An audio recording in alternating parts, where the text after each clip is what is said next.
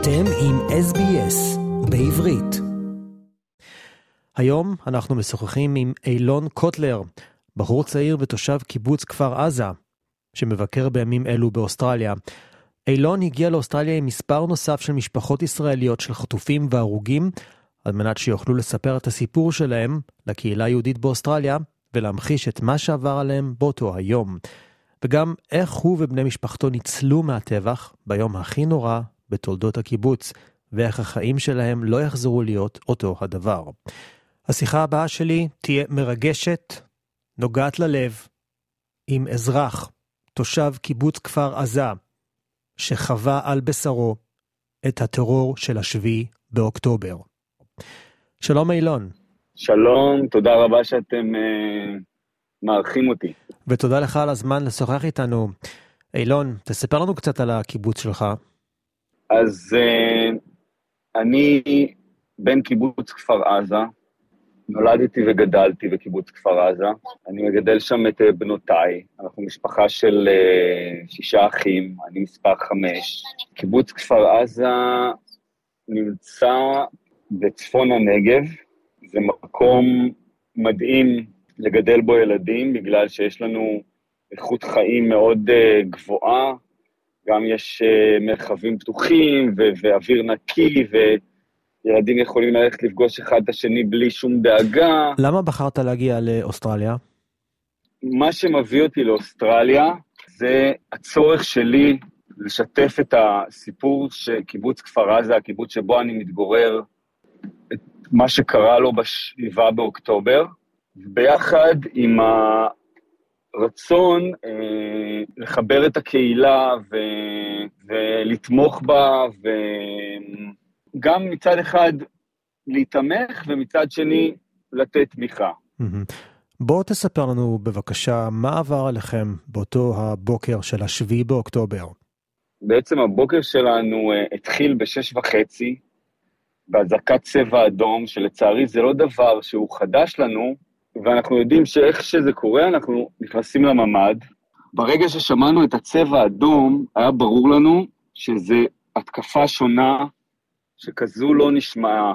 היו אולי מאות טילים באוויר, היינו בטוחים שעוד רגע הטילים יפלו על הבית שלנו, היו ראשי פיצוצים, אה, רצנו לממ"ד, אני ובאותו סוף שבוע, זה היה ערב שמחת תורה, אז היו לנו גם אורחים ממרכז הארץ, מקיסריה, שהתארחו אצלנו, והם ישנו אצלי בחדר שינה.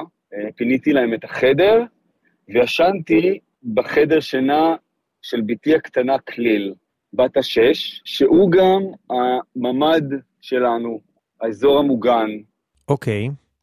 בהתחלה, בגלל שידעתי שאני בממ"ד, ואני, לצערי, התרגלנו למציאות שאנחנו יורים עליהם טילים מדי פעם. זה משהו שאי אפשר להתרגל אליו, אבל זה קורה.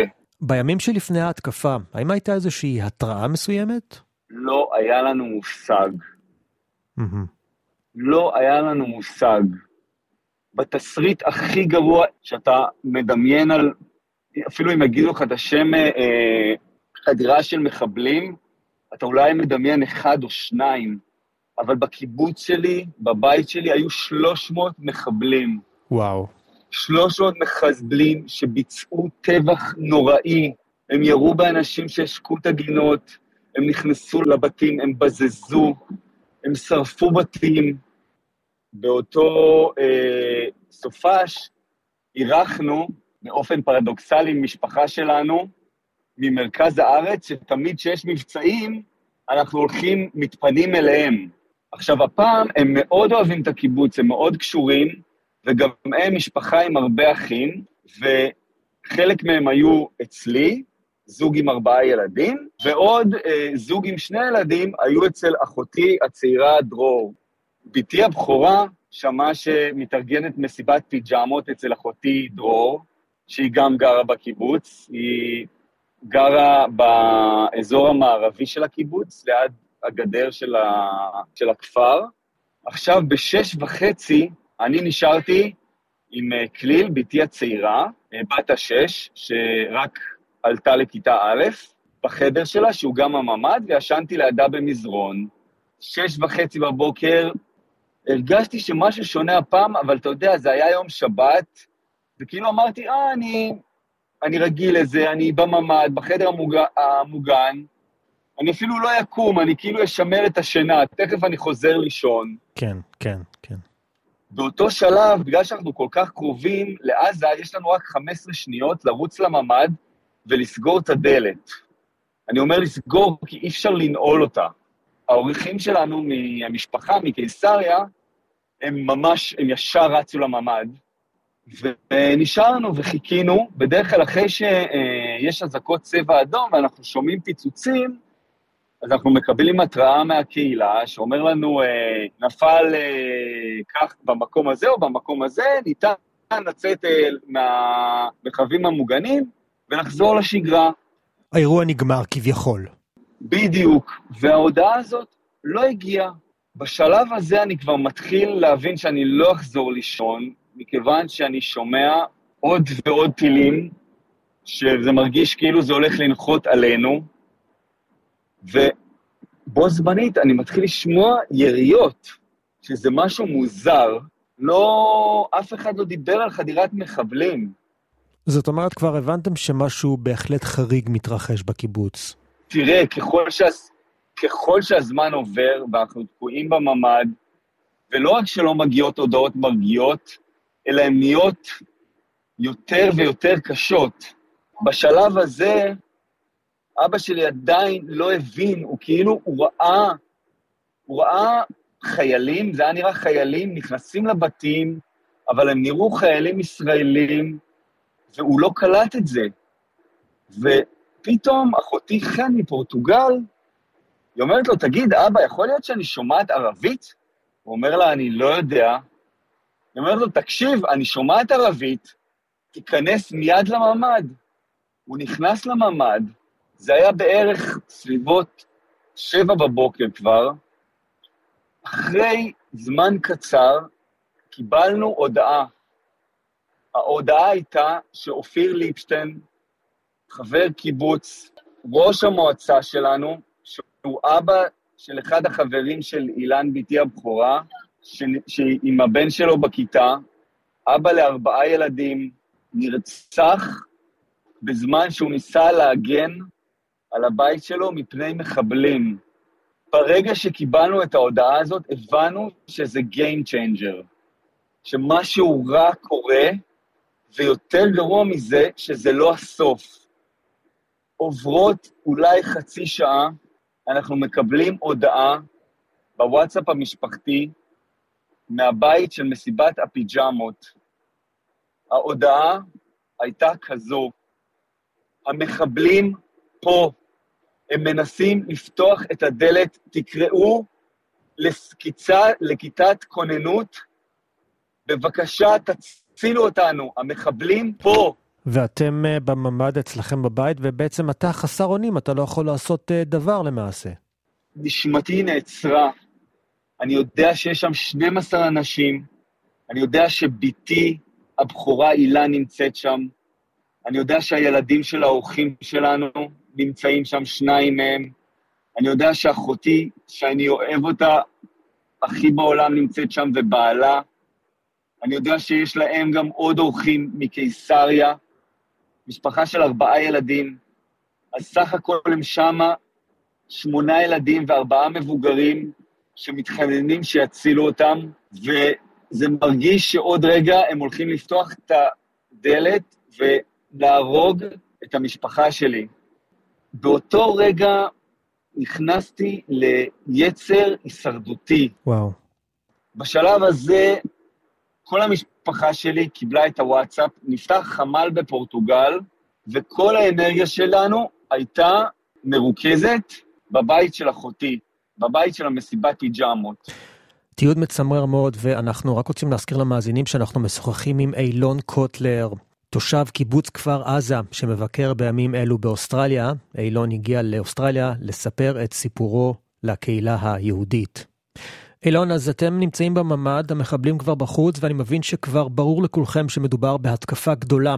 האם בשלב זה קיבלתם הודעה רשמית מהקהילה שיש חדירת מחבלים? כן, קיבלנו הודעה מהקהילה שיש יש חדירת מחבלים, אמרו לנו לא לצאת מהבית, להיות בשקט, לסגור את הדלת הממ"ד, ו- וזה מה שעשינו.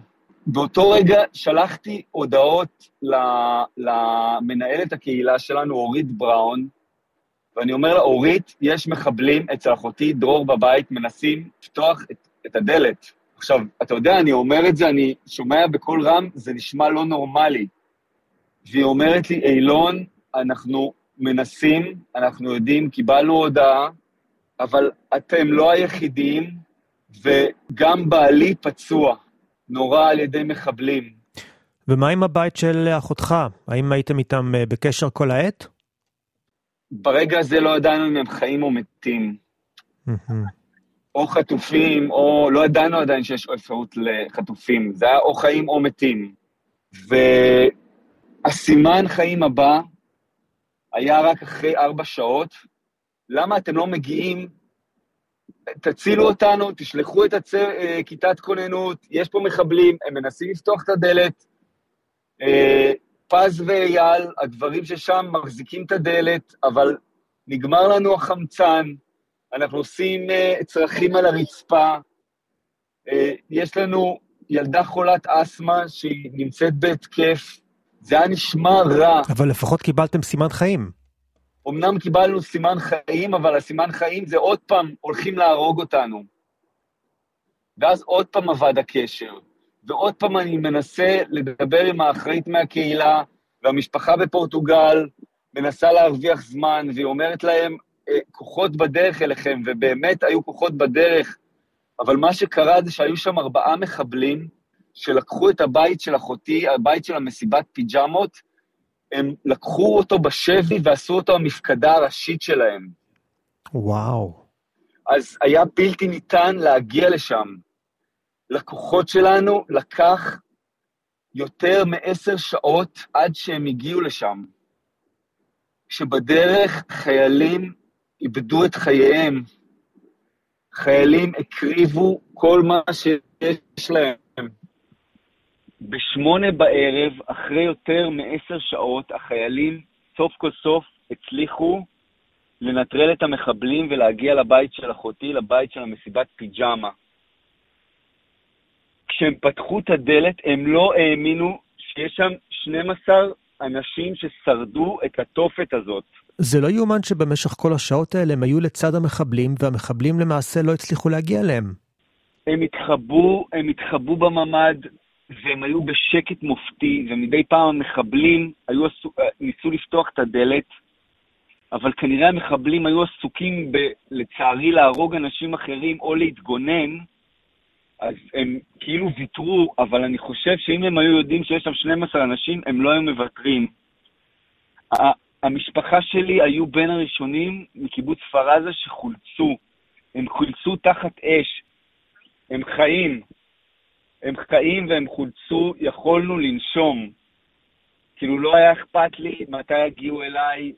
ידעתי שהמשפחה שלי מוגנים, אה, ידעתי שהמשפחה שלי מוגנת. לאחר עשר שעות, כשלמעשה האירוע נגמר בקיבוץ, וצה"ל כבר השתלט, אה, אתה בעצם, מה אתם עושים? אתם יוצאים מהממ"ד ומה? הסתכלתי מסביב, פשוט הרסתי. הרסתי הכי מהר שאני יכול. החיילים היו חמודים. כשהם הגיעו אליי ופתחו את הדלת של הממ"ד, היו שם איזה עשרה חיילים מיחידה קרבית, וארזתי מהר, ואז ריכסו את כל הניצולים של השכונה אה, בנקודה אחת, והובילו אותנו בשורה בשכונה בשכונה שלי, שנקראת גם שכונת אססטות, ואני רואה את הבית של גבי שבור. אני ממשיך, אני רואה את הבית של יהב, אני רואה, ואני יודע שכנראה יש שם גופה. ואני ממשיך ואני רואה את הבית של נדבי, החבר הטוב שלי מילדות, החבר נפש שלי, שהוא כמו אח קטן שלי, אני רואה את הבית שלו שבור. בשלב הזה אני, כליל, הבת שלי הקטנה, מחזיקה לי את היד חזק ואומרת לי, אבא, בבקשה אל תסתכל, רק בוא נלך ישר מהר. כדורים עפו מעל הראש שלנו. הצלחנו להגיע למקום שבו ריכזו את כל השורדים. ואני מבין שאתם קהילה די קטנה ואתם בטוח uh, מכירים אחד את השני היטב, ואז מתגלים ממדי האסון. בגלל שאנחנו קהילה קטנה, אנחנו מכירים אחד את השני כל כך טוב, אנחנו קרובים, זה, זה כמו משפחה גדולה. ובכפר עזה נהרגו, נרצחו 62 בני אדם. 20 אנשים נחטפו ועשרה אנשים נפצעו באופן קשה. חלקם עדיין מאושפזים. אחרי שהתאספתם, לאן אה, פינו אתכם? חיכינו שיאספו את כל השורדים והובילו אותנו בטור לתחנת דלק. הלכנו עם מזוודות כמו פליטים, תלושים מהמציאות. זה, זה הסיפור של ה-7 באוקטובר של משפחת קוטלר. כן, תודה על השיתוף, וזה לא קל לשמוע את הסיפור שלך, וכמובן את סיפורם של עשרות התושבים מהקיבוצים השכנים, שגם כן יש להם סיפור אה, לספר, שאותו עוד נשמע. ועכשיו אתם אה, כאן, אה, אתה לפחות, באוסטרליה. הגעת עד לכאן כדי לספר את הסיפור. אז לא, לא האמנתי שאני, שאני אגיע לאוסטרליה, אה, בטח לא בנסיבות האלה.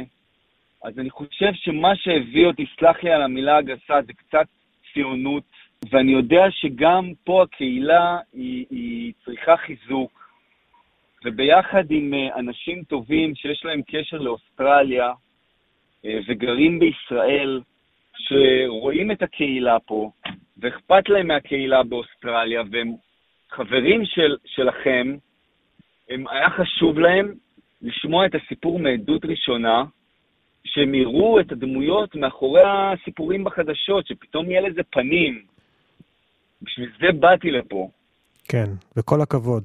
תודה שבאת לאוסטרליה לספר את הסיפור. ואילון, אולי באמת אה, משפט אה, סיכום לפני שנסיים? אני חושב שבלי תקווה אנחנו נמות מבפנים, וחייבים למצוא את הדרך לחיות בכבוד. אמ, ואסור שיקרה רצח כזה נוראי עוד פעם. אסור, אסור לתת לזה לקרות. יש לנו ארץ אחת, וזאת ארץ ישראל, והיא הבית שלנו, ו... ואני מאוד מקווה שאנחנו נמצא את הדרך לחיות עם השכנים שלנו בשלום, וגם שהם ימצאו את הדרך לחיות איתנו בשלום. ושוחחנו עם אילון קוטלר, תושב קיבוץ כפר עזה, שמבקר בימים אלו באוסטרליה. אילון הגיע לאוסטרליה עם מספר נוסף של משפחות ישראליות של חטופים והרוגים, על מנת שיוכלו לספר את סיפורם. אילון, תודה רבה על הזמן שלך. תודה רבה. תודה רבה ושנדע ימים טובים יותר. עקבו אחרינו והפיצו אותנו דרך דף הפייסבוק שלנו.